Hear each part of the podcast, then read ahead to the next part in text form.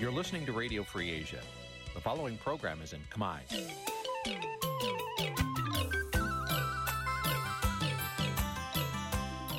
នេះជាកម្មវិធីផ្សាយ Vuthu Azizi Serai នេះជាកម្មវិធីផ្សាយរបស់ Vuthu Azizi Serai ជាភាសាខ្មែរ Vuthu Azizi Serai សូមស្វាគមន៍លោកអ្នកនាងទាំងអស់ពីរដ្ឋធានី Washington នៃសហរដ្ឋអាមេរិក បាទខ្ញុំបាទទីនសាការីយ៉ាសូមជម្រាបសួរលោកនាងកញ្ញាទាំងអស់ជាទីមេត្រីខ្ញុំបាទសូមជូនកម្មវិធីផ្សាយសម្រាប់យប់ថ្ងៃសុក្រដើម្បីកើតខែអាសត់ឆ្នាំថោះបញ្ញាស័កពុទ្ធសករាជ2567ត្រូវនៅថ្ងៃទី27ខែតុលាគ្រិស្តសករាជ2023បាទជំនុំនេះសូមអញ្ជើញលោកនាងកញ្ញាស្ដាប់ព័ត៌មានប្រចាំថ្ងៃដែលមានមេត្តាដូចតទៅ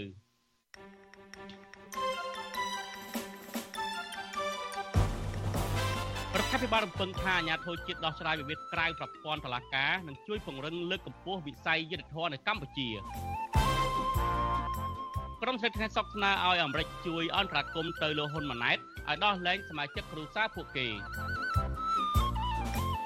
បាទមជ្ឈមណ្ឌលសិទ្ធិមនុស្សកម្ពុជាអំពាវនាវឲ្យបញ្ចប់អំពើនេតនភាពលើក្រកម្មប្រឆាំងអ្នកសារព័ត៌មាន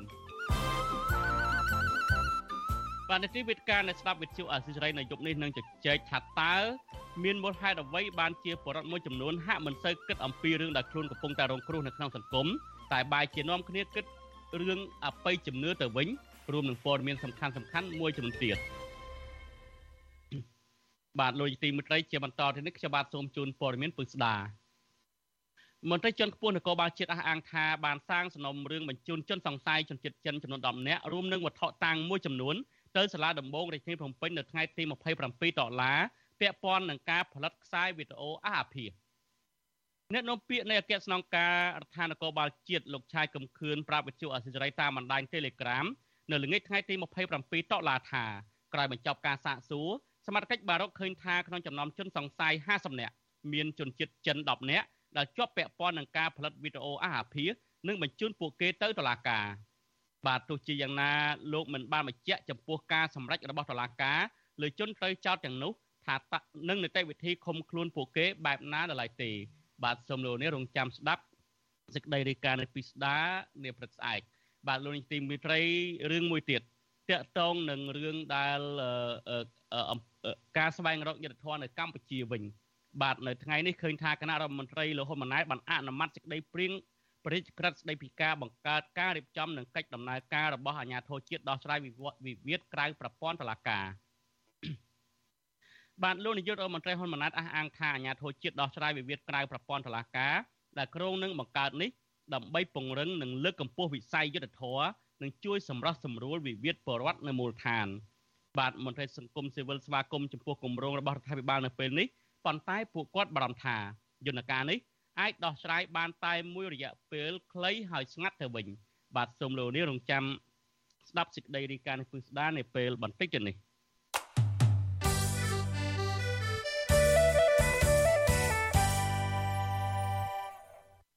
បាទលោកនាងទីមេត្រីតកតងនឹងការបើកលំហសិទ្ធិសេរីភាពសារព័ត៌មានវិញមន្ត្រីសង្គមស៊ីវិលនិងអ្នកសិក្សាផ្នែកច្បាប់លើកឡើងថាក្រសួងព័ត៌មាន គួរតែបើកលំហសេរីភាពសារព័ត៌មាននិងអនុវត្តច្បាប់ស្តីពីរបបសារព័ត៌មានឲ្យបានត្រឹមត្រូវជាជាងងាកទៅរកការសហការជាមួយមេធាវីរបស់រដ្ឋាភិបាលសំទោសពួកគាត់យល់ឃើញថាភាពចន្លោះប្រហោងនៃការគោរពនិងអនុវត្តច្បាប់ស្តីពីរបបសារព័ត៌មានច្រើនជាហេតុនាំឲ្យអ្នកសារព័ត៌មានប្រឈមនឹងមុខច្បាប់បាទពីរដ្ឋធានីវ៉ាស៊ីនតោនលោកយ៉ងច័ន្ទរារាយការណ៍ព័ត៌មាននេះ មន្ត្រីអង្គការសង្គមស៊ីវិលផ្នែកប្រព័ន្ធផ្សព្វផ្សាយនិងអ្នកសិក្សាផ្នែកច្បាប់លើកឡើងថាការចុះអនុសារណៈរវាងក្រសួងព័ត៌មានជាមួយនឹងក្រមមេធាវីរដ្ឋាភិបាលដើម្បីផ្ដល់កិច្ចការពីផ្លូវច្បាប់ដល់អ្នកសារព័ត៌មានគឺជារឿងមួយយ៉ាងក៏ប៉ុន្តែរដ្ឋាភិបាលគួរតែបើកលំហសេរីភាពសារព័ត៌មាន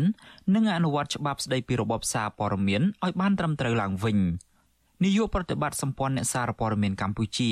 ហៅកាត់ថាកម្ពុជាលោកណប់វីប្រាប់វិទ្យុអាស៊ីសេរីនៅថ្ងៃទី27តុលាថាការកសាងសមត្ថភាពរបស់អ្នកសារព័ត៌មាន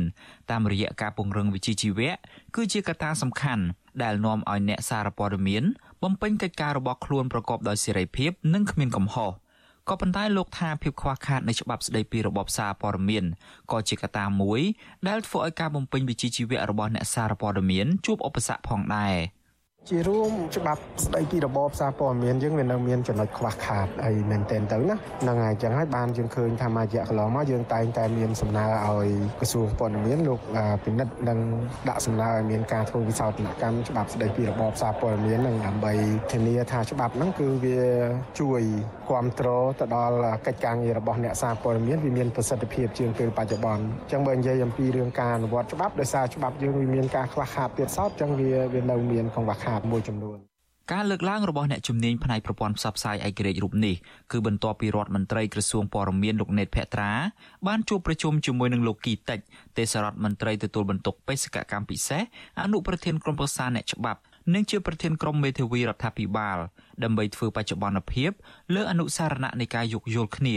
រវាងក្រសួងព័ត៌មាន និងក្រុមមេធាវីរបស់រដ្ឋាភិបាលលើកិច្ចការពីផ្លូវច្បាប់ដល់អ្នកសារព័ត៌មានកាលពីថ្ងៃទី25ខែតុលាឆ្នាំ2023 ការចុះអនុសារណៈរវាងស្ថាប័នទាំងពីរនេះគឺដើម្បីធានាប្រសិទ្ធភាពទៅលើកិច្ចការពីផ្លូវច្បាប់ដល់អ្នកសារព័ត៌មាន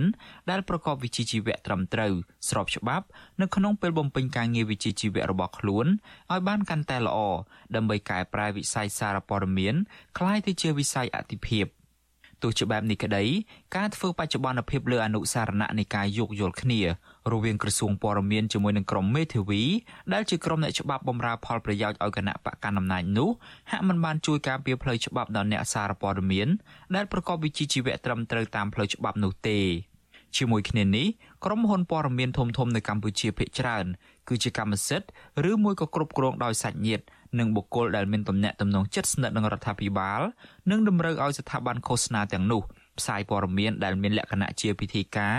និងធ្វើប្រជាពិធដ្ឋឲ្យរដ្ឋាភិបាលចំណែកសារព័ត៌មានឯករាជ្យដែលបំពេញវិជ្ជាជីវៈរបស់ខ្លួនក្នុងនាមជាប្រព័ន្ធផ្សព្វផ្សាយព័ត៌មានពិតដើម្បីបម្រើផលប្រយោជន៍ពលរដ្ឋនិងសង្គមជាតិវិញនោះស្ថាប័នព័ត៌មានប្រភេទនេះបែរជារងនឹងការយាយីតាមរយៈការប្រើអំពើហិង្សារងការគំរាមកំហែងការបដិងផ្ដាល់តាមផ្លូវច្បាប់ទៅតុលាការការរដ្ឋបិទមិនឲ្យចូលយកព័ត៌មាននិងការបិទស្ថាប័នដោយបំពានច្បាប់ជាដើម។ ជាក់ស្ដែងកាលពីថ្ងៃទី13កុម្ភៈក្រសួងព័ត៌មានបានលុបចោលអាជ្ញាប័ណ្ណសារព័ត៌មាន VOD ទាំងបំពេញច្បាប់ទៅតាមការបញ្ជារបស់លោកហ៊ុនសែនក្រោយពីស្ថាប័នមួយនេះបានចុះផ្សាយព័ត៌មានដែលលោកហ៊ុនសែនអះអាងថាបានប៉ះពាល់មុខមាត់កូនប្រុសរបស់លោកគឺលោកនាយរដ្ឋមន្ត្រីហ៊ុនម៉ាណែតវិទ្យុអាស៊ីសេរីមិនអាចតាក់ទងแนะនាំពាក្យក្រសួងព័ត៌មានលោកទេពអាស្លារិទ្ធ និងប្រធានក្រុមមេធាវីរដ្ឋាភិបាល លោកគីតិចដើម្បីសុំការបកស្រាយជុំវិញបញ្ហានេះបានទេ នៅថ្ងៃទី27ខែតុលាតែកតិនទៅនឹងរឿងនេះអ្នកសិក្សាផ្នែកច្បាប់លោកវ៉ាន់ចាន់ឡូតលើកឡើងថាការការពារផ្នែកច្បាប់ដល់អ្នកសារព័ត៌មានគ្មានប្រសិទ្ធភាពឡើយ។ លោកបន្តថាចំណុចអតិភិបដែលក្រសួងព័ត៌មានត្រូវពង្រឹងពេលនេះគឺក្រមសីលធម៌វិជ្ជាជីវៈអ្នកសារព័ត៌មាននិងការបើកលំហសេរីភាពសារព័ត៌មានឯករាជ្យឡើងវិញ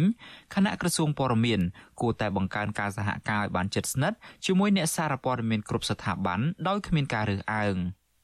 សួងព័ត៌មានខ្លួនឯងហ្នឹងក៏គួរតែដើរទីជាអ្នកគំរូមានន័យថាយើងត្រូវ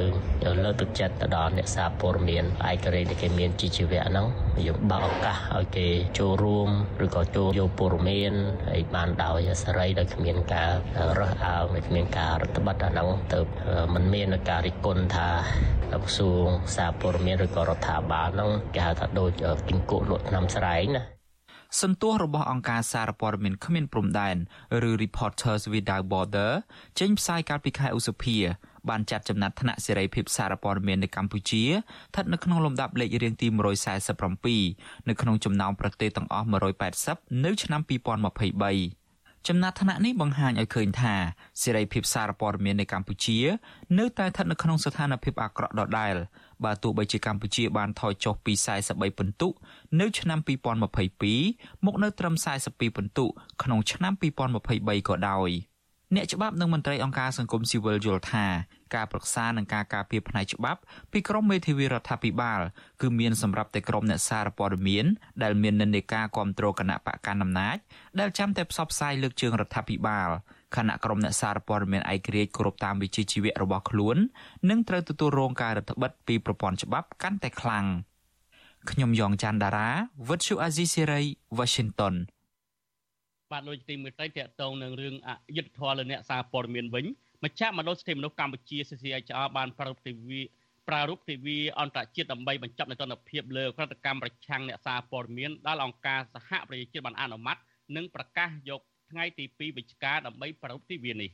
សេចក្តីប្រកាសព័ត៌មានរបស់មជ្ឈមណ្ឌលសិទ្ធិមនុស្សកម្ពុជានៅថ្ងៃទី27ដុល្លារដឹងថាការប្រារព្ធទិវានេះក្នុងគោលបំណងទប់ស្កាត់រាល់អំពើហិង្សាលើអ្នកសារព័ត៌មាននិងការធ្វើទុកបុកម្នេញក្នុងប្រព័ន្ធផ្សព្វផ្សាយដើម្បីធានាលើការលើកកម្ពស់និងបង្កបរិយាកាសសុវត្ថិភាពដល់អ្នកសារព័ត៌មានហើយដើម្បីឲ្យពួកគេអាចបំពេញការងាររបស់ខ្លួនដោយឯកគ្រាជ្យនិងមិនមានការជឿជ្រែកចាប់តាំងពីឆ្នាំ1994មកយ៉ាងហោចណាស់ មានអ្នកសារព័ត៌មានចំនួន15នាក់ត្រូវបានសម្លាប់នៅក្នុងប្រទេសកម្ពុជាក្នុងនោះ12នាក់ស្លាប់ដោយសារពាក់ព័ន្ធនឹងសកម្មភាពរាយការណ៍ព័ត៌មានដែលប៉ះពាល់ដោយផ្ទាល់ដល់បុគ្គលមានអំណាចរហូតដល់បច្ចុប្បន្ននេះមិនមានការស៊ើបអង្កេតដោយឯករាជ្យនិងតម្លាភាពដើម្បីយកជនល្មើសមកបណ្តន្ទាទោសតាមច្បាប់នៅឡើយទេដោយសារតែបបធរនិតនភាពឬអំពើឬក៏ការដែលគ្មានទោសបីនេះ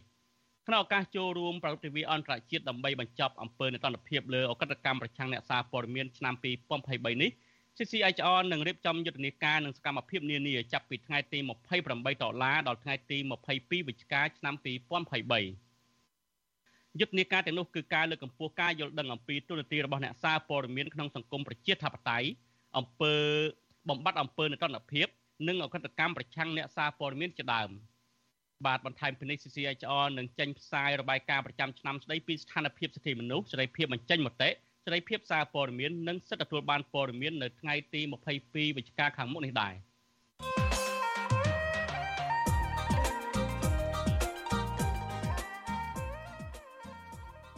បាទលោកទីមេត្រីប្រជាប្រដ្ឋមួយចំនួននៅតែគិតអំពីរឿងអបិយជំនឿជារឿងអតិភិបជាងរឿងអ្នកនយោបាយមិនទទួលខុសត្រូវលើការដឹកនាំប្រទេសបង្កើតរឿងអយុត្តិធម៌នៅក្នុងសង្គមបិទសិទ្ធិសេរីភាពនិងធ្វើទុកបុកម្នេញផ្សេងផ្សេងទៀត តាមមូលហេតុអ្វីបានជាប្រដ្ឋមួយចំនួនហាក់មិនសូវគិតអំពីរឿងដែលខ្លួនកំពុងតែរងគ្រោះនៅក្នុងសង្គមបែរជានាំគ្នាគិតតែរឿងអរ៉ុបទៅវិញបាទសូមលោកនេះរងចាំទស្សនានីតិវិទ្យាអ្នកស្ដាប់វិទ្យុអាស៊ីសេរីដែលនឹងជជែកអំពីបញ្ហានេះនាពេលបន្តិចទៀតនេះបើសិនជាលោកនាងមានសំណួរឬក៏ចង់បញ្ចេញជាមតិយោបល់សូមលោកនាងដាក់លេខទូរស័ព្ទនៅក្នុងក្នុង comment Facebook YouTube និងប្រព័ន្ធ Telegram ដែលយើងកំពុងតែផ្សាយផ្ទាល់នៅពេលនេះក្រុមការងាររបស់យើងនឹងហៅទៅលោកនាងវិញបាទសូមអរគុណ ហ្នឹងហើយជីជីចាប់អារម្មណ៍យ៉ាងណាដែរចំពោះពលានយន្តហោះថ្មីនេះយើងដឹងថាជីជីក៏មានសាច់ញាតិមានក្រុមគ្រួសារអីនៅឯសៀមរាបឯនោះដែរយ៉ាងម៉េចទៅវិញមានអារម្មណ៍រំភើបអីយ៉ាងម៉េចទៅវិញដែរបាទចំពោះពលានយន្តហោះថ្មីនេះបាទអឺសម្រាប់ខ្ញុំផ្ទាល់សម្រាប់ខ្ញុំផ្ទាល់តែម្ដងដូចជាអត់មានអីជាការរំភើបធម្មតាតែតែយើងបានធ្វើដំណើរច្រើនទៅច្រើនតែឃើញបងប្អូនយើងគាត់ផ្ញើ រូបភាពមកឲ្យមើលហើយយើងឃើញថាគេពួកគាត់បានលើកឡើងថាទំហំធំពួកទំហំធំឬក៏កន្លែងធំប៉ុណ្ណានោះគឺខ្ញុំអត់ដឹងទេព្រោះដោយសារខ្ញុំគិតថាប្រហែលជាពួកគាត់អត់ដែលបានឃើញពលានយន្តហោះផ្សេងផ្សេងដូចជាសវណ្ណភូមិប្រទេសថៃឬក៏អឺនៅខាងសិង្ហបុរីអីគេធំមែនតើណាអញ្ចឹងនៅពេលដែលគាត់ពលានយន្តហោះនៅក្នុងខេត្តសៀមរាបគាត់គិតថាធំណាស់ព្រោះដោយសារអី បើយើងប្រៀបធៀបទៅធំជាងពលានយន្តហោះពោធិ៍យន្តងឬក៏ពលានយន្តហោះចាស់តែប៉ុណ្ណឹងទេ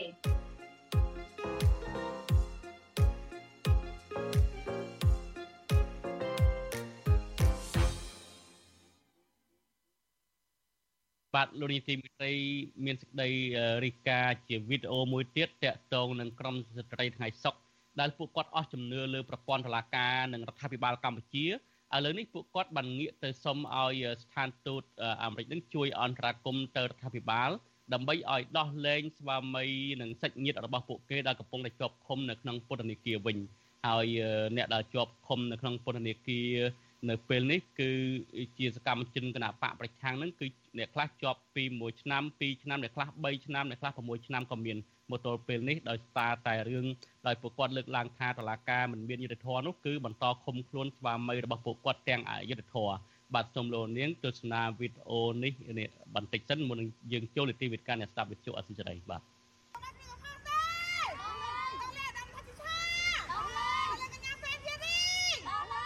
ខ្ញុំមកដាក់ញត្តិនេះបានជួបករិយាទូតផ្ទាល់គឺលោកម៉ាហ្វៀដែលជាករិយាប្រចាំនៅប្រទេសកម្ពុជាតែម្ដងគាត់បានចេញមកស្វាគមន៍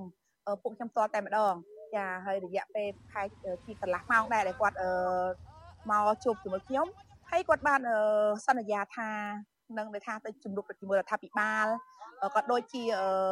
ដូចថាអង្គការសង្គមវិលផ្សេងផ្សេងរដ្ឋាភិបាលហ្នឹងគាត់នឹងយកអ្វីដែលគាត់បានសន្យាជាមួយខ្ញុំមកទៅជំរុញជាមួយគាត់ដើម្បី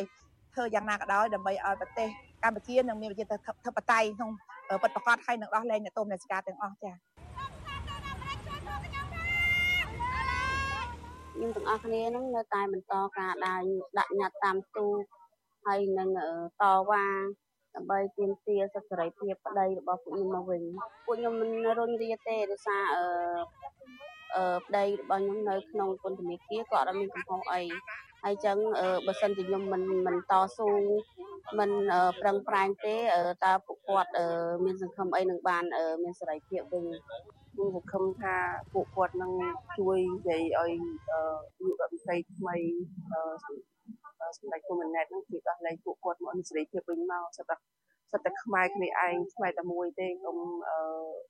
មិនឆ្លាញ់ពួកគាត់ផងសិតតែធ្វើដើម្បីជាតិទាំងអស់គ្នាទេគាត់មិនឲ្យខ្មែរបែកបាក់សម្ពីគ្នាទេគាត់ខ្មែរគ្នាឯងទាំងអស់ខ្មែរក្រមថាខ្មែរលើមថាខ្មែរកដាល ពួកដែលជាប់ទោសទាំងអស់សូមឲ្យពួកគាត់ផលិតឡើងវិញឲ្យដោះលែងពួកគាត់ទៅខ្ញុំសូមតែប៉ុណ្្នឹងទេ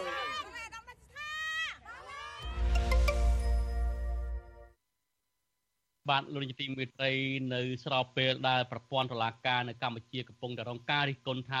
បង្កើតរឿងបង្កើតអំពើអយុត្តិធម៌ច្រើននៅក្នុងសង្គមហើយប្រព្រឹត្តអំពើពុករលួយហ្នឹងឥឡូវនេះឃើញថាគណៈរដ្ឋមន្ត្រីថ្មីហ្នឹងបានអនុម័តលើសេចក្តីព្រាង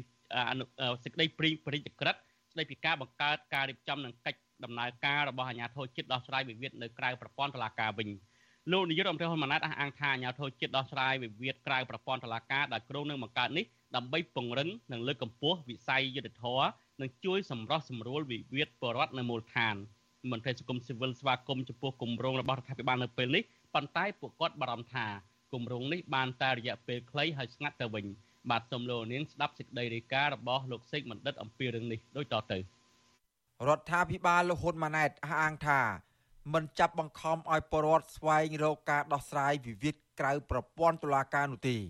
គឺពលរដ្ឋនៅតែមានសិទ្ធិស្វែងរកការដោះស្រាយវិវាទនៅក្នុងប្រព័ន្ធតុលាការដដែលបើសិនជាពលរដ្ឋចង់ដោះស្រាយចំនួនតាមផ្លូវតុលាការទោះយ៉ាងណាក្រមការងារនេះមិនដោះស្រាយ ឬសម្របសម្រួលករណីព្រំប្រទាននោះទេលោកនាយករដ្ឋមន្ត្រីហ៊ុនម៉ាណែត លើកឡើងថាអាញាធរជាតិដោះស្រាយវិវាទក្រៅប្រព័ន្ធតុលាការនេះ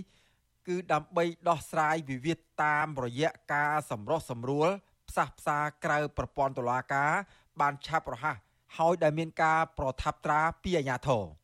លោករំពឹងថា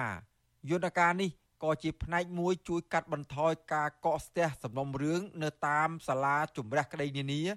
និងជាការបង្ខិតសេវាដោះស្រាយវិវាទឲ្យទៅគៀកប្រជាពលរដ្ឋអញ្ចឹងយន្តការនេះសង្គមថានឹងអាចជួយហើយសំខាន់បំផុតគឺការធ្វើយុទ្ធនាការផ្សព្វផ្សាយពយល់ដល់ដល់មហាជនឲ្យបានយល់ហើយនេះគឺជាកិច្ចការឲ្យគាត់យល់អំពីច្បាប់យល់អំពីជំរឿសអ្វីដែលការរៀបចំនេះជូនហើយហេតុអីត្រូវតែរៀបចំរហូតដល់ឧបនាយករដ្ឋមន្ត្រីទៅការដឹកនាំនេះគឺជាស្ថិតនៅក្នុងអធិភាព มันខុសពីអាជ្ញាធរជាតិជីវិតឆាងគ្រឿងយានិងយន្តការថ្នាក់ជាតិផ្សេងទេអញ្ចឹងការដោះស្រាយការពង្រឹងនៅប្រព័ន្ធយុត្តិធម៌គឺជាអតិភិបសំខាន់សម្រាប់យើងគណៈរដ្ឋមន្ត្រីលោកហ៊ុនម៉ាណែត បានបើកកិច្ចប្រជុំពេញអង្គរបស់ខ្លួន នៅថ្ងៃទី27ខែតុលាដើម្បីអនុម័តលើសេចក្តីព្រៀងព្រះរាជក្រឹត្យស្តីពីការបង្កើតការរៀបចំ និងកិច្ចដំណើរការរបស់អាជ្ញាធរជាតិដោះស្រាយវិវាទក្រៅប្រព័ន្ធតុលាការ និងរបៀបវិរៈមួយចំនួនទៀតរដ្ឋមន្ត្រីក្រសួងយុទ្ធភ័ពលោកកើតរិទ្ធឡើងថ្លែងការពីសេចក្តីព្រៀងនេះក្នុងកិច្ចប្រជុំគណៈរដ្ឋមន្ត្រីថា ការកែតម្រង់ច្បាប់ និងប្រព័ន្ធយុទ្ធធរនៅតែជាវិស័យអាទិភាពរបស់រដ្ឋាភិបាលលោកបន្តថានេះជាការបោះជំហានថ្មីមួយដ៏មានសារៈសំខាន់ស្របតាមទិសដៅនៃការកែតម្រង់ប្រព័ន្ធយុទ្ធធរ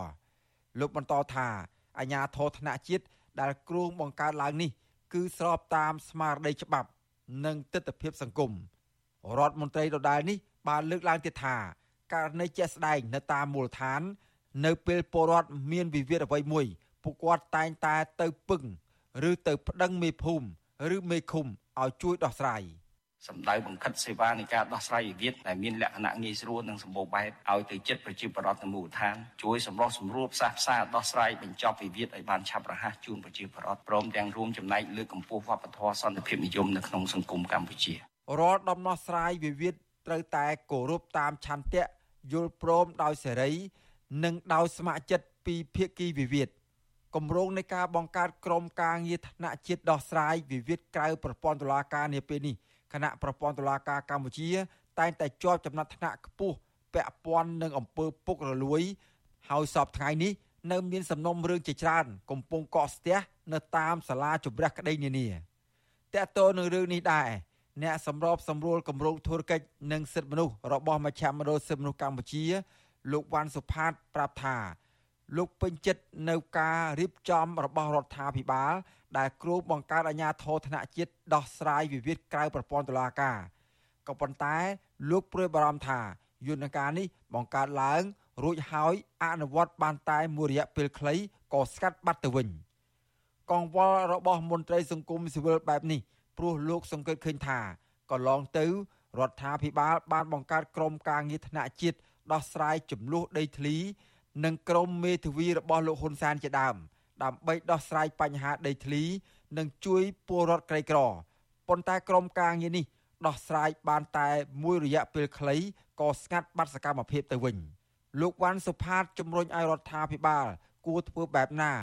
ដែលបង្កើតក្រុមការងារថ្នាក់ជាតិនេះរួចហើយត្រូវអនុវត្តការងារឲ្យមានប្រសិទ្ធភាព និងមានកិច្ចសហការជាមួយនឹងអាជ្ញាធរមូលដ្ឋាន ឬអ្នកពាក់ព័ន្ធ ទើបការអនុវត្តការងារមានប្រសិទ្ធភាពខ្ញុំស្វាគមន៍មែនតើប៉ុន្តែគាត់ថាខ្ញុំបារម្ភថាខេងលោតាយន្តការហ្នឹងគាត់តែបង្កើតអញ្ចឹងទៅបានមួយរយៈហើយវាអាចណែសាបលៀបទៅវិញអសកម្មទៅវិញប៉ុន្តែខ្ញុំសង្ឃឹមថាការបដិញ្ញាចិត្តរបស់អាយដាមកើតព្រឹកហើយនឹងប្រមុខរាជរដ្ឋាភិបាលថ្មីគឺថានឹងធ្វើឲ្យប្រជាពលរដ្ឋផ្ដល់សេចក្តីសង្ឃឹមដល់ប្រជាពលរដ្ឋព្រោះមានប្រជាពលរដ្ឋគាត់តាក់ទងមកខ្ញុំដែរគាត់ថាឥឡូវហ្នឹងមានក្រុមការងារសម្រាប់រយយុតិធធ សេចក្តីប្រកាសព័ត៌មានរបស់អង្គភាពអ្នកណែនាំពាក្យរដ្ឋាភិបាលឲ្យដឹងថាអាជ្ញាធរជាតិដោះស្រាយវិវាទក្រៅប្រព័ន្ធតុលាការនឹងត្រូវបង្កើតឡើងដើម្បីដោះស្រាយក្រៅប្រព័ន្ធតុលាការនៅវិវាទរដ្ឋបវេនីវិវាទពាណិជ្ជកម្មនិងវិវាទដទៃទៀតតាមរយៈការសម្រុះសម្រួលផ្សះផ្សាដោយផ្អែកតាមកិច្ចព្រមព្រៀងរបស់ភាគីវិវាទលើកលែងតែវិវាទ ដែលមិនអាចជាកម្មវត្ថុនៃការសម្រុះសម្រួលផ្សះផ្សាតាមកំណត់របស់ច្បាប់អាញាធននេះប្រើពាក្យកាត់ថាអដកដែលមានសមាជិកឧបនាយករដ្ឋមន្ត្រីមួយរូបជាប្រធាន អនុប្រធាន4រូបជាទេសរដ្ឋមន្ត្រីមួយរូបរដ្ឋមន្ត្រីក្រសួងអធិការកិច្ចរដ្ឋលេខាធិការក្រសួងមហាផ្ទៃមួយរូបនិងរដ្ឋលេខាធិការក្រសួងយុទ្ធភ័ពមួយរូប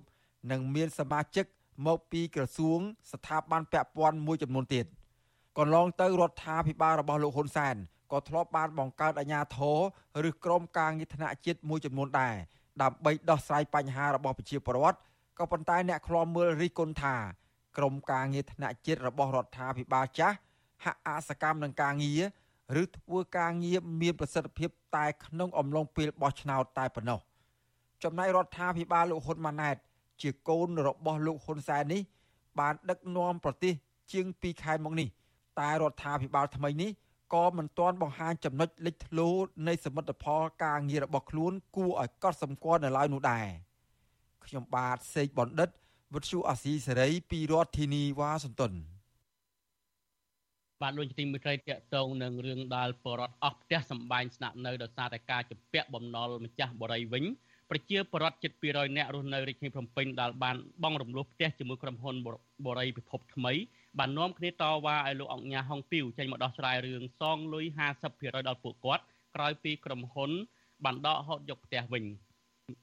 លោកស្រីប៉ែនភាប្រាប់វិទ្យុអសិរ័យថាការតវ៉ារបស់បរិវត្តនេះគ្រាន់តែចង់ឲ្យក្រុមហ៊ុនសងលុយជូនពួកគាត់វិញ50%ប៉ុណ្ណោះដោយសារតែកន្លងទៅប្រជាប្រដ្ឋបានបង់លុយឲ្យក្រុមហ៊ុនរាប់ពាន់ដុល្លារ ប៉ុន្តែដោយសារតែបញ្ហាសេដ្ឋកិច្ចពួកគាត់ពុំមានលុយបង់បន្ត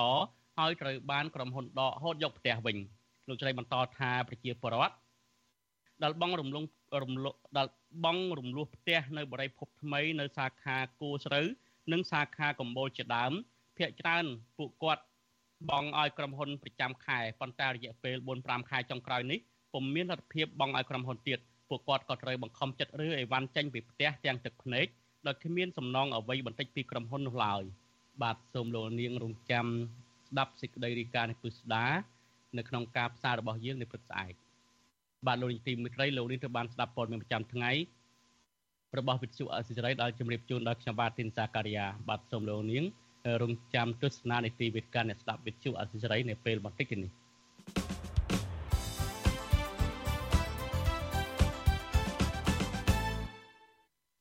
បាទលោកនាយកទីមេត្រីជាបន្តទៅនេះគឺជានីតិវិទ្យាអ្នកស្ដាប់វិទ្យុអាស៊ីសេរី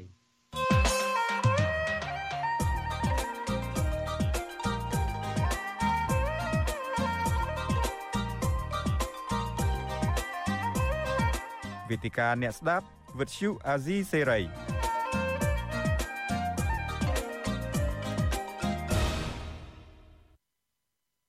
បាទខ្ញុំបាទធីនសាករិយាសូមជម្រាបសួរលោកនាងជាថ្មីម្ដងទៀតនៅទីវិទ្យាអ្នកស្ដាប់វិទ្យុអស្ចារ្យនៅពេលនេះយើងនឹងមានវិក្កាមិន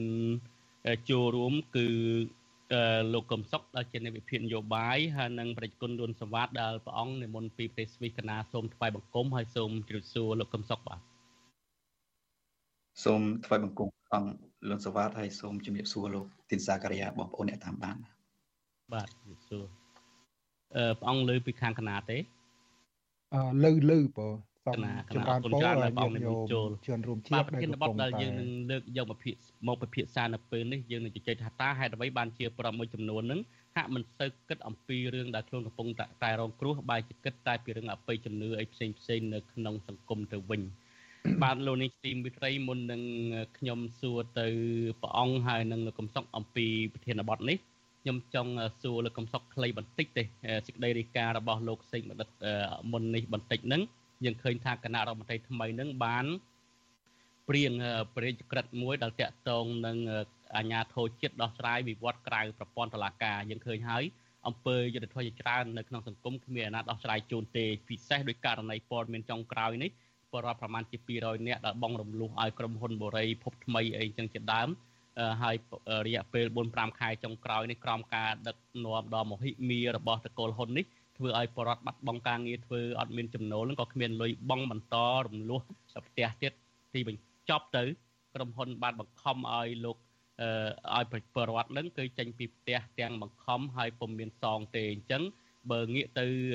ខាងយុទ្ធធរវិញគ្មានអាណាដោះស្រាយជូនពួកគាត់ទេក៏សម្រេចតវ៉ានៅតាមផ្លូវអីចឹងជាដើម លោកកំសុកតើការដែលលោកហ៊ុនម៉ាណែតបង្កើតអាជ្ញាធរជាតិដោះស្រាយវិវត្តក្រៅប្រព័ន្ធតុលាការនេះតើរំពឹងថានឹងមានប្រសិទ្ធភាពទេអាចជួយបរដ្ឋកំពុងតែរងគ្រោះនេះបានទេគុំនិយាយអំពីប្រសិទ្ធភាពគ្មានសេចក្តីរំពឹងទេប៉ុន្តែកាលណារដ្ឋាភិបាលមួយ មានរឿងមួយបង្កើតគណៈកម្មការមួយ មានរឿងមួយបង្កើតក្រុមការងារពិសេសមួយនោះមានន័យថាប្រព័ន្ធរដ្ឋបាល របស់រដ្ឋាភិបាលនឹងមិនដើរនោះទេប្រសិនបើប្រព័ន្ធរដ្ឋបាល ដឹកនាំវាដើរវាមិនគាំងវាដោះស្រាយបញ្ហាបាន វាអត់មានមូលហេតុអីទៅបង្កើតគណៈកម្មការថ្មីថ្មីទេ ពីព្រោះមានក្រសួងស្ថាប័នប្រមាណ30គ្រប់ជំនាញទាំងអស់សម្រាប់ទទួលបន្ទុកការងាររបស់រដ្ឋាភិបាលរួចទៅហើយដូច្នេះខ្ញុំសូមនិយាយដោយខ្លីថាគុំរំពឹង អំពីប្រសិទ្ធភាព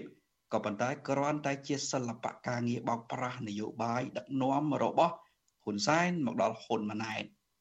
ហើយវាជាការបញ្ជាក់ថាខ្លីលើកំសក់ប្រព័ន្ធរបស់រដ្ឋនឹងមិនមានរំពឹងនឹងតើលោកហ៊ុនម៉ាណែតគួរតែអាកាត់បែបណាគួរធ្វើកំណែតម្រង់ដកហូតមន្ត្រីដែលពុករលួយទាំងអស់ហ្នឹងឬក៏មន្ត្រីចាស់ចាស់នៅក្នុងធ្វើការនៅក្នុងប្រព័ន្ធយុតិធម៌ហ្នឹងឬក៏យ៉ាងណាបាទកំណែតម្រង់បែបណាទៅដើម្បីឲ្យមានប្រសិទ្ធភាពនោះបាទ និយាយអំពីបច្ចេកទេសមិនពិបាកទេប៉ុន្តែអាកាត់បែបណា ប្រសិនបើហ៊ានអាកាត់វាប៉ះពាល់ទៅដល់ក្បាលម៉ាស៊ីនដឹកនាំខាងលើនឹងដដែលដូច្នេះបើអាកាត់ដោយយុតិធម៌តាមច្បាប់ គឺហ៊ុនម៉ាណែតខ្លួនឯងបារម្ភថាប្រព័ន្ធដឹកនាំរដ្ឋាភិបាលរបស់ខ្លួនដួលរលំពីព្រោះវាប៉ះអថ្នាក់លើដូច្នេះហើយនិយាយអំពីការអាកាត់របស់ហ៊ុនម៉ាណែតឬដំណោះស្រាយរបស់ហ៊ុនម៉ាណែតអត់មានទេ ប្រសិនបើយើងចង់រកដំណោះស្រាយវាទាល់តែ មានរដ្ឋាភិបាលមួយដែលចេះទទួលខុសត្រូវក្នុងការដឹកនាំប្រទេសជាតិផ្ដល់ផលប្រយោជន៍ជូនប្រជាពលរដ្ឋហើយរដ្ឋាភិបាលហ្នឹងណាគឺមានទស្សនវិស័យរបស់ខ្លួនធ្វើការប្រតិបត្តិជាក់ស្ដែងក្នុងការកែតម្រង់ក្បាលរបស់ខ្លួនតាំងពីដើមរៀងមក ក្បាលដឹកនាំរដ្ឋាភិបាលហ្នឹងតាំងពីហ៊ុនម៉ាណែតគណៈរដ្ឋមន្ត្រីរបស់ខ្លួន ហើយក្រុមមេដឹកនាំទាំងអស់នោះ មានសុចរិតភាព ចំពោះប្រជាពលរដ្ឋឧទាហរណ៍ហ៊ុនម៉ាណែតហ៊ានប្រកាសទ្រព្យសម្បត្តិរបស់ខ្លួនទេបើហ៊ុនម៉ាណែតនិងក្រុមគ្រួសារមិនហ៊ានប្រកាសទ្រព្យសម្បត្តិរបស់ខ្លួនជាសាធារណៈផងហ្នឹងទៅនិយាយអំពីប្រសិទ្ធភាពកំណែទម្រង់យ៉ាងម៉េចមានន័យថាបណ្ដាញអក្រិតកម្មពុករលួយរកស៊ីជុំគ្នាហ្នឹងវាប្រតិកក្រឡាគ្នាជំវិញហ៊ុនម៉ាណែតហ្នឹងដោះស្រាយមិនចេញទេបាទបើអញ្ចឹងទោះបីជា បង្កើតស្អីទៀតក៏មិនអាចទៅរួចបើស្ដាប់ការបកស្រាយរបស់លោកកឹមសុខនេះកណាសូមងាកទៅព្រះអង្គវិញងាកមកប្រធានបទយើងវិញតើដោយសារតែអង្គើអយុធធននៅក្នុងសង្គមកើតឡើងនេះហើយឬក៏បរដ្ឋនៅក្នុងប្រទេសនឹងហាក់បីដូចជាគ្មានទីពឹងអ្វីសោះនឹងដែរទេដែលដែលធ្វើឲ្យជំរុញឲ្យបរដ្ឋមួយចំនួននឹងងាកទៅលើរឿងអបិយជំនឿផ្សេងផ្សេងដែលគេដែលកំពុងតែបង្កើតមាននៅក្នុងបណ្ដាញសង្គម ជាជាក់ស្ដែងសប្តាហ៍ថ្ងៃនេះឥឡូវយើងឃើញពលករណីថ្មីមួយទៀតហើយគ្រូទាយ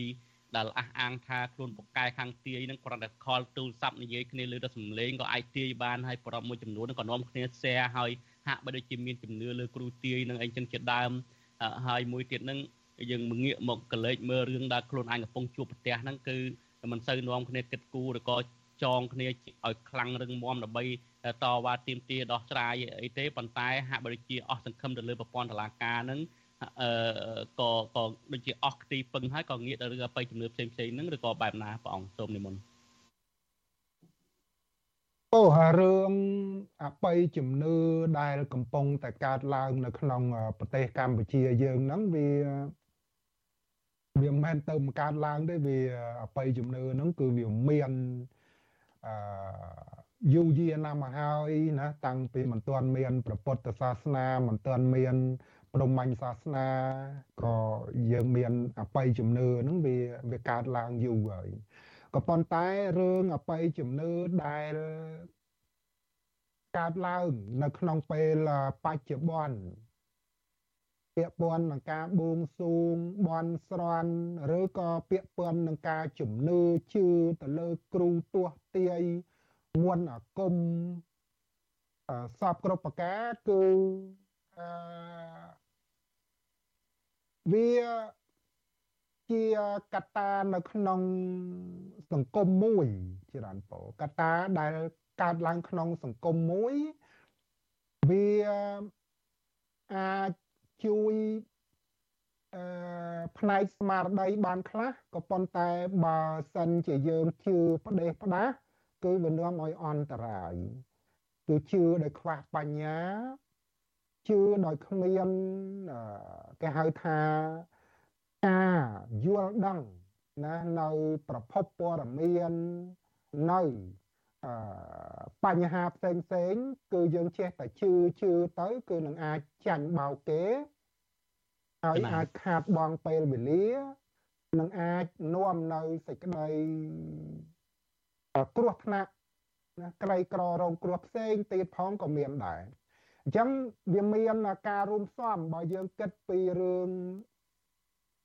អ្នករងគ្រោះដោយថាអ្នករងគ្រោះព្រោះបញ្ហាយុត្តិធម៌សង្គម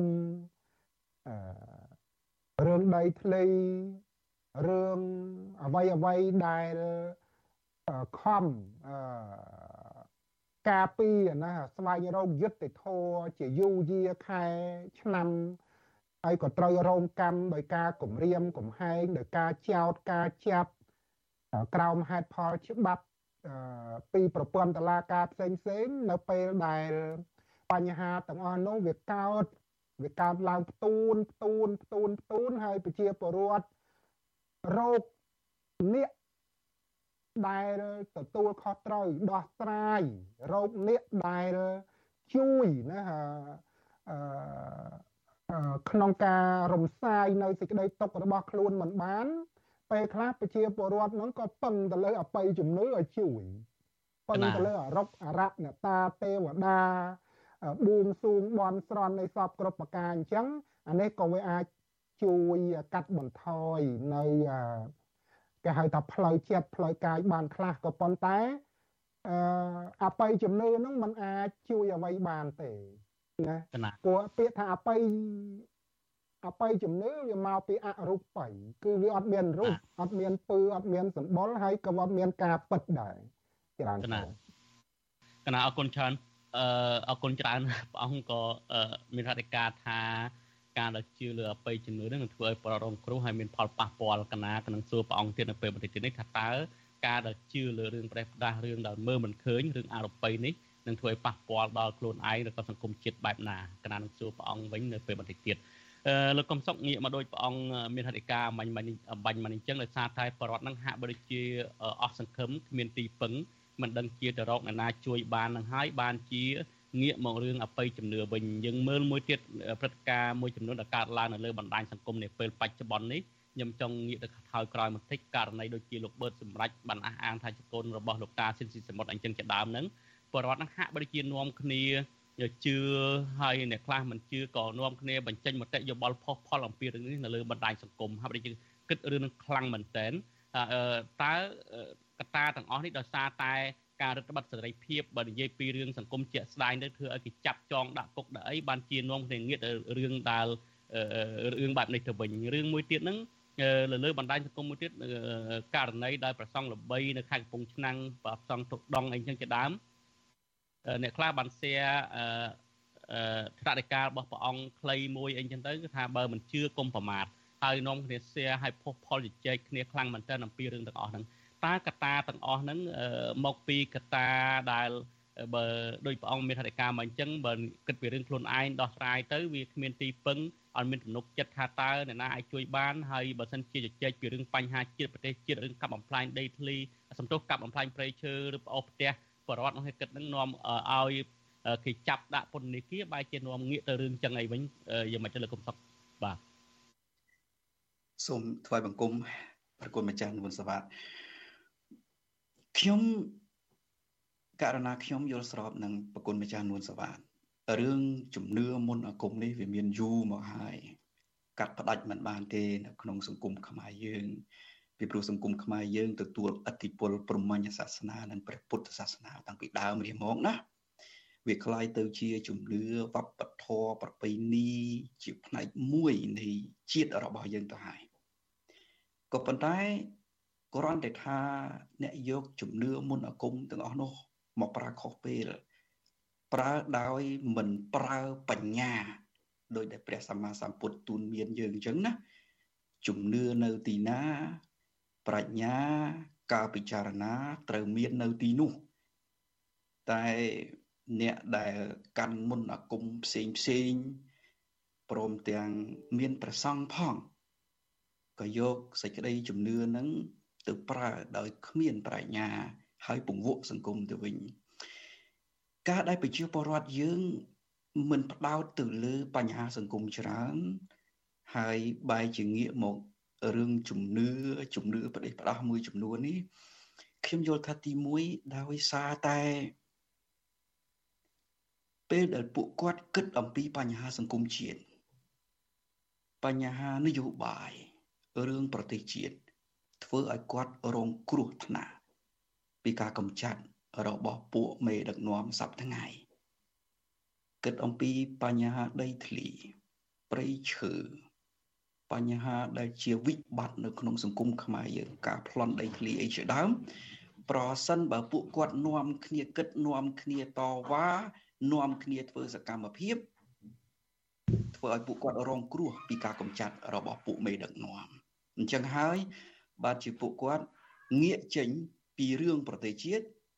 បែរទៅជាពឹងផ្អែកទៅលើជំនឿអបិយជំនឿមុនអាគមនោះទៅវិញណាហើយកាលណាក្នុងស្ថានភាពបែបហ្នឹងណាណាមកឆ្កឹះតែបន្តិចគឺជឿហើយចំណុចទី2វិបត្តិរបស់ប្រជាពលរដ្ឋខ្មែរយើងធំមកធំពេកកម្មករកម្មការនីអត់ការងារធ្វើកសិករវិញផលិតស្រូវបានតិចហើយ លក់ថោកលក់ថោកហើយរកផ្សារលក់មិនបានទៀតជំពាក់បំណុលលក់ដីស្រែចម្ការស្ទើរតែគ្រប់ក្រុមគ្រួសារទៅហើយ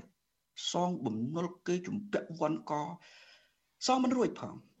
បាទដល់អញ្ចឹងទៅគាត់មានវិបត្តិនៅក្នុងក្រុមគ្រួសារវិបត្តិផ្លូវចិត្តគេឆ្កឹះរឿងនៅជំនឿបន្តិចមកមុនអាគមនេះមុនអាគមនោះគាត់យករឿងនឹងទៅជារឿងកំសាន្តចិត្តដើម្បីដោះវិបត្តិរបស់គាត់នឹងទៅវិញណា ដោយសារគាត់មិនពិចារណាថាប្រសិនបើធ្វើសកម្មភាពរួមគ្នាតវ៉ាវាប្រសើរជាងទេគាត់យកអាសេចក្តីជំនឿខាងក្រៅនោះមកលួងលោមចិត្តរបស់គាត់នេះត្រង់ហ្នឹងដែលខ្ញុំមើលឃើញណាចំណុចទី3ដែលខ្ញុំមើលឃើញគឺដោយសារតែវាคล้ายទៅជាអាជីវកម្មអារឿងជំនឿមន្តអាគមនេះអាជីវកម្មរបស់បុគ្គលអាជីវកម្មរបស់សាវកសាសនា ហើយសាវកសាសនាមួយចំនួនខ្ញុំនិយាយ អ្នកដែលបួសជាព្រះសង្ឃទៅចោះមិនទាំងអស់ទេប៉ុន្តែមួយចំនួនល្បីល្បីទៅទៀតបង្រៀនខុសបង្រៀនថាកុំគិតខ្វល់ខ្វាយពីទ្របគេអីទ្របគេនៅដែលទ្របគេទេនាំឲ្យតែយើងកាត់ទុកស្ដាប់ទៅត្រូវមិនជាខុសអីប្រមាណទេត្រូវមកចំណាយដែរ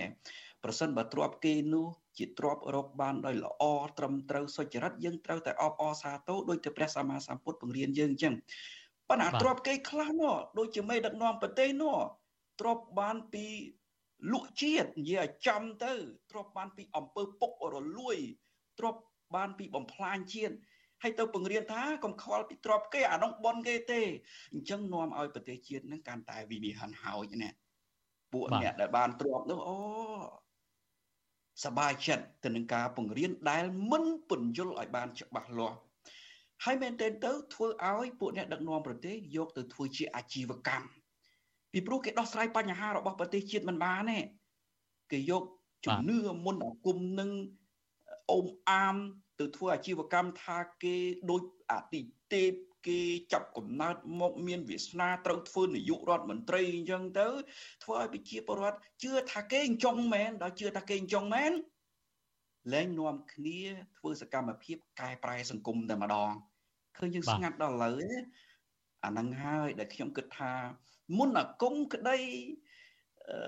ជំនឿសាសនាផ្សេងផ្សេងក្តីមិនអាក្រក់ទេពីព្រោះអ្នកដែលទៅរៀនមុនអាគមនោះគ្រូមុនអាគមមិនដែលប្រាប់ថាអ្នកឯងទៅរៀនឲ្យទៅធ្វើបាបគេទេទៅរៀនឲ្យជួយការពារមនុស្សទុនខ្សោយទៅរៀនឲ្យធ្វើអំពើល្អប៉ុន្តែអ្នកទាំងនោះយកទៅធ្វើអាជីវកម្មហើយបានអ្នកដឹកនាំប្រទេសជាតិជឿអញ្ចឹងទៀតយកទៅធ្វើអាជីវកម្មបន្ថែមនាំឲ្យប្រជាពលរដ្ឋ វក់វីវល់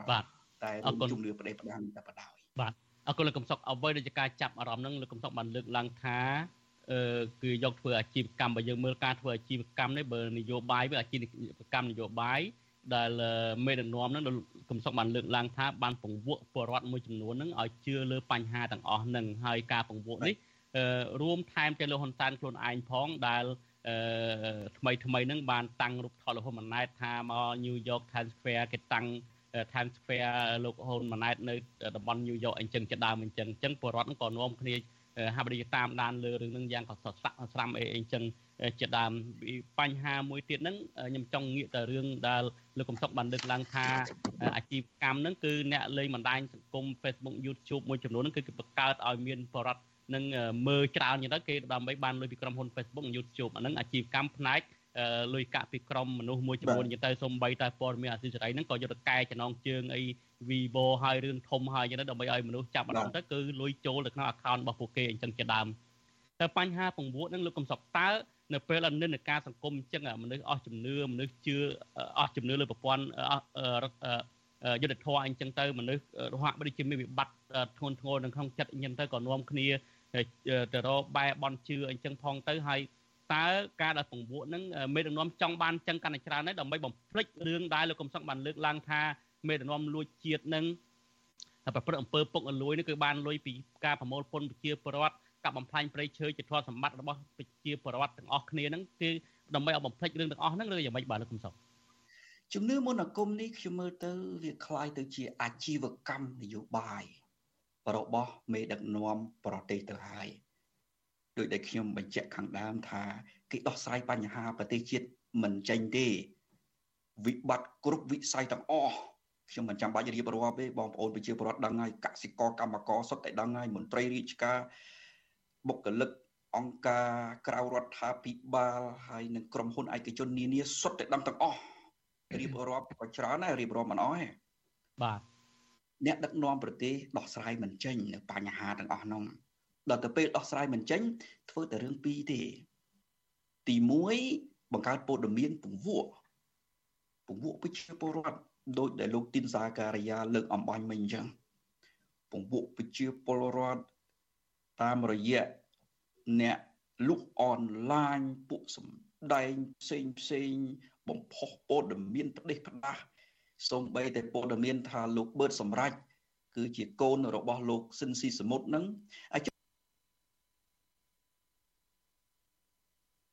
បាទលោកហ៊ុនសែនឬហ៊ុនម៉ាណែតធ្វើអន្តរាគមទៅទៅភរិយារបស់លោកស៊ិនស៊ីសមុទ្រធ្វើ DNA ទៅចាប់បាត់ទៅហើយវាអត់មានអីទេហេតុអីបានជានៅបំពល់សង្គមម្ដងហើយម្ដងទៀតរាល់ថ្ងៃបែបនេះយើងមិនអាចនិយាយថាពិតឬមិនពិតទេព្រោះមិនទាន់ធ្វើ DNA មិនចឹងមិនបាច់ស្មានទេទៅធ្វើ DNA ទៅ ដូច្នេះវាបញ្ចប់រឿងហ្នឹងទៅហើយរឿងមុនអាគមដូចដែលខ្ញុំបញ្ជាក់ខាងដើមថាវាមិនអាក្រក់ទេអត់ដែលគ្រូមុនអាគមសុចរិតណាដែលប្រាប់ថាអ្នកឯងធ្វើហើយអ្នកឯងរៀនហើយយកទៅធ្វើបាបអ្នកដទៃទេអត់ទេនៅក្នុងសាសនាក៏អញ្ចឹងដែរសាសនាណាក៏ដោយសាវករបស់សាសនា គឺសុទ្ធតែត្រូវបង្រៀនឲ្យផ្សព្វផ្សាយដើម្បីជាផលប្រយោជន៍របស់សង្គមហើយនៅក្នុងព្រះពុទ្ធសាសនាទៀតសោតព្រះពុទ្ធសាសនាព្រះអង្គបង្រៀនយើងច្បាស់លាស់ណា ព្រះអង្គមិនមែនបង្រៀនត្រឹមតែសូត្រធម៌កើតទុកមិនកើតទុកនឹងទេព្រះអង្គបង្រៀនអំពីរបៀបដឹកនាំជាតិក្នុងនោះខ្ញុំចាំបាននៅក្នុងគម្ពីរវត្តបៈបដិអឺបរិយាយមួយកាលពីសម័យសង្គមរាជនិយមខ្ញុំធ្លាប់អានខ្លះព្រះអង្គបង្រៀនយើង5ចំណុចអំពីការដឹកនាំជាតិទី1អំពីសេដ្ឋកិច្ច ទី2និយាយអំពីកងទ័ពយោធា ទី3និយាយអំពីនយោបាយការទូតទី4និយាយអំពីការអប់រំហើយទី5និយាយអំពីសង្គមកិច្ចមានសុខាភិបាលនឹងជាដើមហើយព្រះអង្គបង្រៀនយើងយើងដឹងគ្រប់គ្នាថាជំនឿត្រូវមានបញ្ញាក្នុងកលៈទេសៈបច្ចុប្បន្នអ្នកដែលមានបញ្ញាតើទៅបំផុសមុនអាគម ឬនាំគ្នានិយាយអំពីវិទ្យាសាស្ត្រនិងភាពជាក់ស្ដែងនៃហានិភ័យរបស់ជាតិភាពជាក់ស្ដែងនៃហានិភ័យរបស់ជាតិនៅត្រង់ណាអន្តោប្រវេសន៍ច្រើនណាស់ខ្ញុំធ្លាប់រំលឹកម្ដងហើយម្ដងទៀតថាគេយកទឹកដីយើងនៅតាមព្រំដែនណាគេយកបានតែមកចំណាយទេគេមិនយកប្រទេសយើងអស់ទេប៉ុន្តែអន្តោប្រវេសន៍នេះណាគេយកប្រទេសយើងទាំងមូលតែម្ដងនៅពេលដែលគេច្រើនច្រើនជាងយើងនាយករដ្ឋមន្ត្រី គឺមនុស្សមកពីគេនោះ ថ្ងៃក្រោយគេនិយាយថាគេចង់ពង្រួបពង្រួម ទៅជាឥណ្ឌូចិនតែមួយចាប់នេះអាកន្លែងហ្នឹងដូច្នេះយើងត្រូវមានជំនឿតាមបែបព្រះសម្មាសម្ពុទ្ធថាឲ្យមានបញ្ញាបញ្ញារបស់យើងនឹងគឺរកវិធីទប់ស្កាត់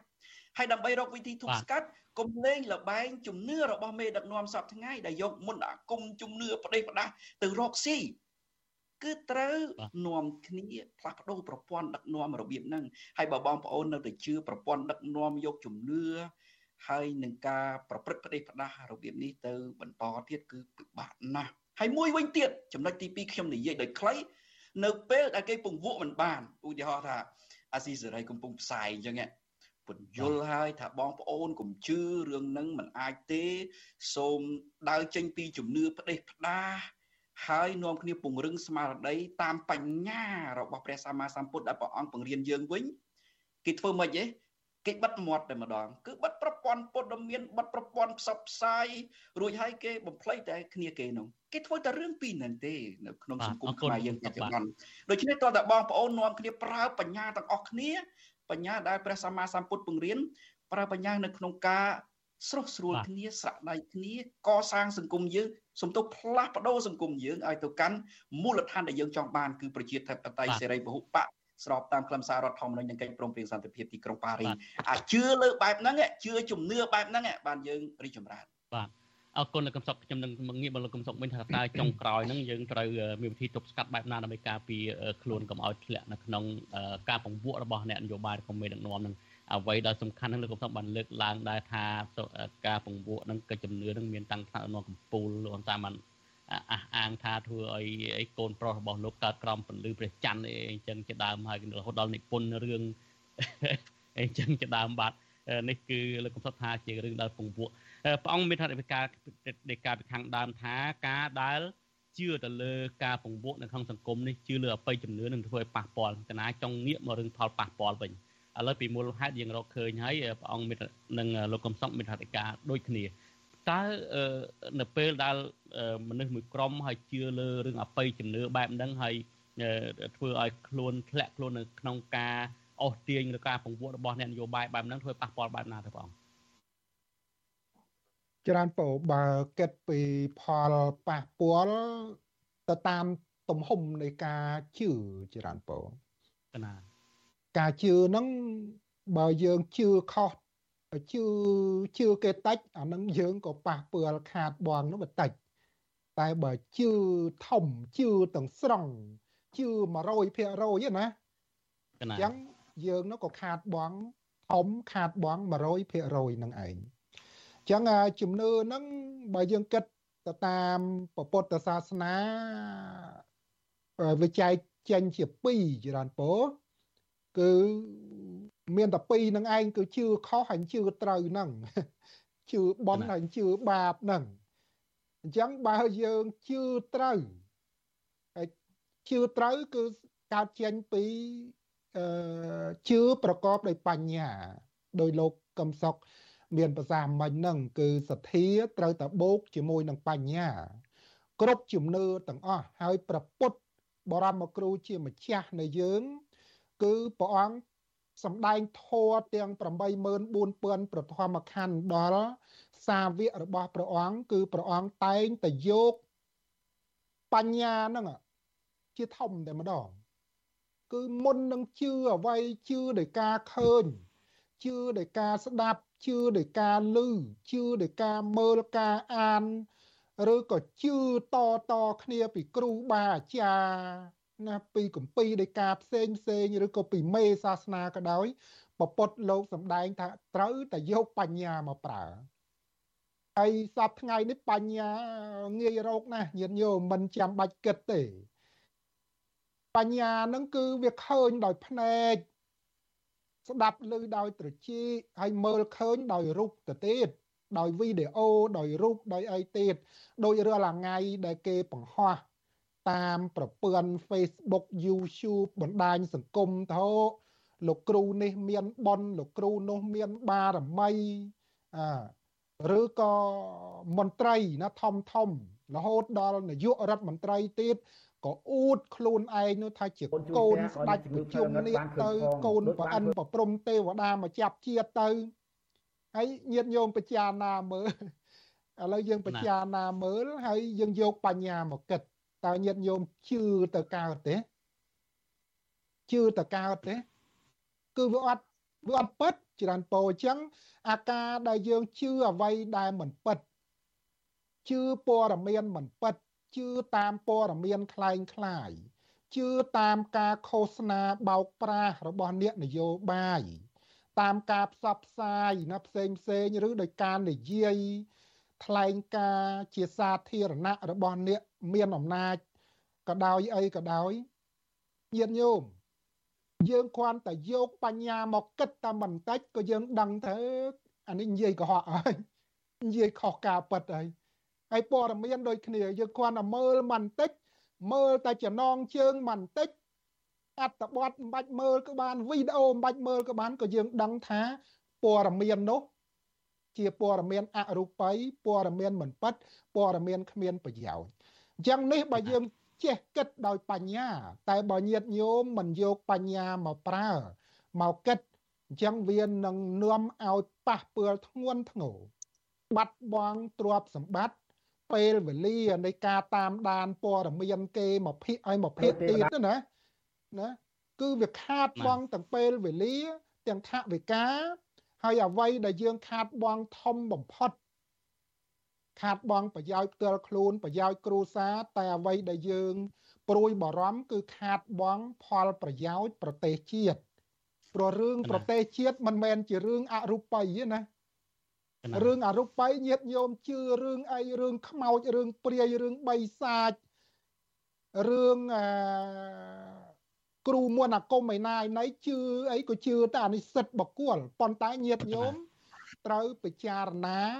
កុំជឿអ្វីដែលមើលមិនឃើញ ស្ដាប់មិនឮណាគឺយើងត្រូវជឿអ្វីដែលយើងកំពុងតែមើលឃើញ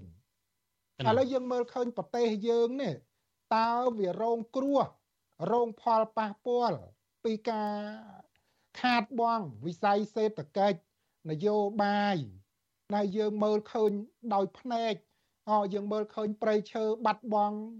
យើងមើលឃើញភ្នំត្រូវបានគេកាយ យើងមើលឃើញបឹងទាំងឡាយត្រូវបានគេលុបណែយើងត្រូវជឿអ្វីដែលជារូបិយនេះយើងកុំទៅជឿអរូបិយបើសិនជាអរូបិយនោះវាជាការពិតអញ្ចឹងទេវតាភ្នំ ទេវតាបឹងទេវតាព្រៃឈើហ្នឹងការពារបឹងខ្លួនឯងបានហើយការពារភ្នំខ្លួនឯងបានហើយព្រោះឯងបឹងភ្នំព្រៃហ្នឹងវាជាជំរករបស់ពូអមនុស្ស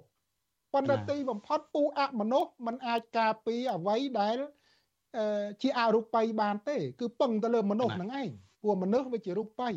អញ្ចឹងសំញាតញោមប្រុសស្រីពិចារណាថាបើយើងជឿខុសយើងមើលព័ត៌មានខុសយើងស្ដាប់អ្នកនយោបាយឬក៏ស្ដាប់ការគេនិយាយខុស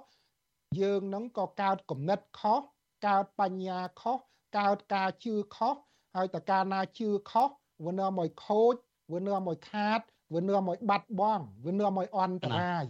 ព្រះអង្គព្រះអង្គមានត្រតិកាថាការដែលជឿខុសអីខុសហ្នឹងគឺធ្វើប៉ះពាល់តាមទំហំនៃការជឿហ្នឹងព្រះអង្គមានត្រតិកាថាការដែលជឿហ្នឹងគឺអាចមានបុណ្យហើយនឹងមានបាបកណាចង់ឲ្យព្រះអង្គលើកឧទាហរណ៍ជាក់ស្ដែងមានបុណ្យមានបាបបែបណាហើយមួយទៀតតើយើងអាចទម្លាក់អាចថាតើអ្នកដែលជឿនឹងខុសទាំងស្រុងទេបើយើងមើលទៅ នៅក្នុងបញ្ហាសង្គមហ្នឹងគឺបញ្ហាអសន្តិសុខមានអំពើឆក់ប្លន់អីច្រើនជាច្រើនមានគឺគ្មានសមត្ថភាពទេក្នុងសង្គមកម្ពុជាបច្ចុប្បន្នហ្នឹងតែមានទាំងចាប់ចម្រិតអីចឹងថែមទៀតប៉ុន្តែអ្វីដែលជាក់ស្ដែងមួយទៅហ្នឹងប្រហែលបើអស់ជំនឿដូចជាករណីដែលអ្នកខ្លះយកខ្សែកមាសអីទៅទៅឲ្យអង្គប្រសង់អីទៅសូត្រមុនអីអាគមដាក់ហ្នឹងគឺអាចការពារខ្លួនអីបានហ្នឹងតើគួរតែបន្ទោសអ្នកដែលជឿអញ្ចឹងទេឬក៏ប្រព័ន្ធសង្គមហ្នឹងវាអត់មានវាតើបើសិនអញ្ចឹងវាប៉ះពាល់បែបណាទៅកណា ពោអាហ្នឹងវាយើងត្រូវដឹងថាបើគេបោកយើងបានណាគេកុហកយើងបានណាបើយើងបតោសគេអ្នកបោកបតោសគេអ្នកកុហកអាហ្នឹងក៏យើងបតោសបានដែរព្រោះប្រទេសមួយវាមានច្បាប់ច្បាប់គេមិនដែលចែងថាឲ្យមនុស្សរោគស៊ីបោកគេឲ្យមនុស្សរោគស៊ីភូតកុហកគេ ឲ្យមនុស្សផ្សាយព័ត៌មានបោកប្រាស់គេអញ្ចឹងទេអានឹងយើងអាចបន្ទោសទៅអានេះបោកហ្នឹងក៏បានប៉ុន្តែសំខាន់ក៏យើងត្រូវបន្ទោសខ្លួនយើងជាមុនព្រោះពពុទ្ធលោកសម្ដែងថាកម្មសទ្ធាគឺយើងត្រូវជឿនៅកម្មនិងផលនៃកម្មរបស់ខ្លួនបើយើងជឿត្រូវយើងធ្វើម៉េចទៅចាញ់បោកគេ យើងអត់អាចចាញ់បោកគេបានទេ តែមកពីខ្លួនយើង កត្តាធំគឺមកពីខ្លួនយើងនឹងមួយអញ្ចឹងរឿងដែលថាអឺអាជីវកម្មនយោបាយអាជីវកម្មគ្រូទួសទាយបោកប្រាស់មន្តអាគមប្រោកបោកប្រាស់បច្ចុប្បន្ននេះគឺវាคล้ายទៅជាវប្បធម៌សាបព្រោះនៅលើបណ្ដាញសារព័ត៌មានធ្វើឲ្យព័ត៌មានសង្គមនឹងបើកមកពុលតារឿងហ្នឹងអត់បាត់អាព័ត៌មាន សេដ្ឋកិច្ច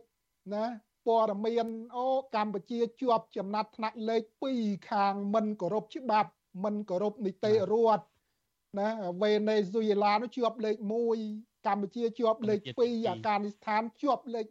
3ណូប្រជាជននោះអត់គិតអារឿងអ្វីដែលយើងមើលឃើញនឹងភ្នែកស្ដាប់ឮនឹងតិចគឺព័ត៌មានពិតណាហូចទៅជឿអាព័ត៌មានបោកប្រាស់ព័ត៌មានคล้ายคล้ายដែលគេផ្សាយ ណាដើម្បីជាប្រជាពិធបោកប្រាស់អញ្ចឹងនោះអាចថាជាកំហុសរបស់ខ្លួនយើងមួយហើយមួយទៀតជាកំហុសរបស់សង្គមជាកំហុសរបស់ប្រព័ន្ធផ្សព្វផ្សាយនយោបាយដែលគេចង់ឲ្យប្រជាជននឹងគិតទៅរឿងនោះកុំគិតអារឿងជាតិ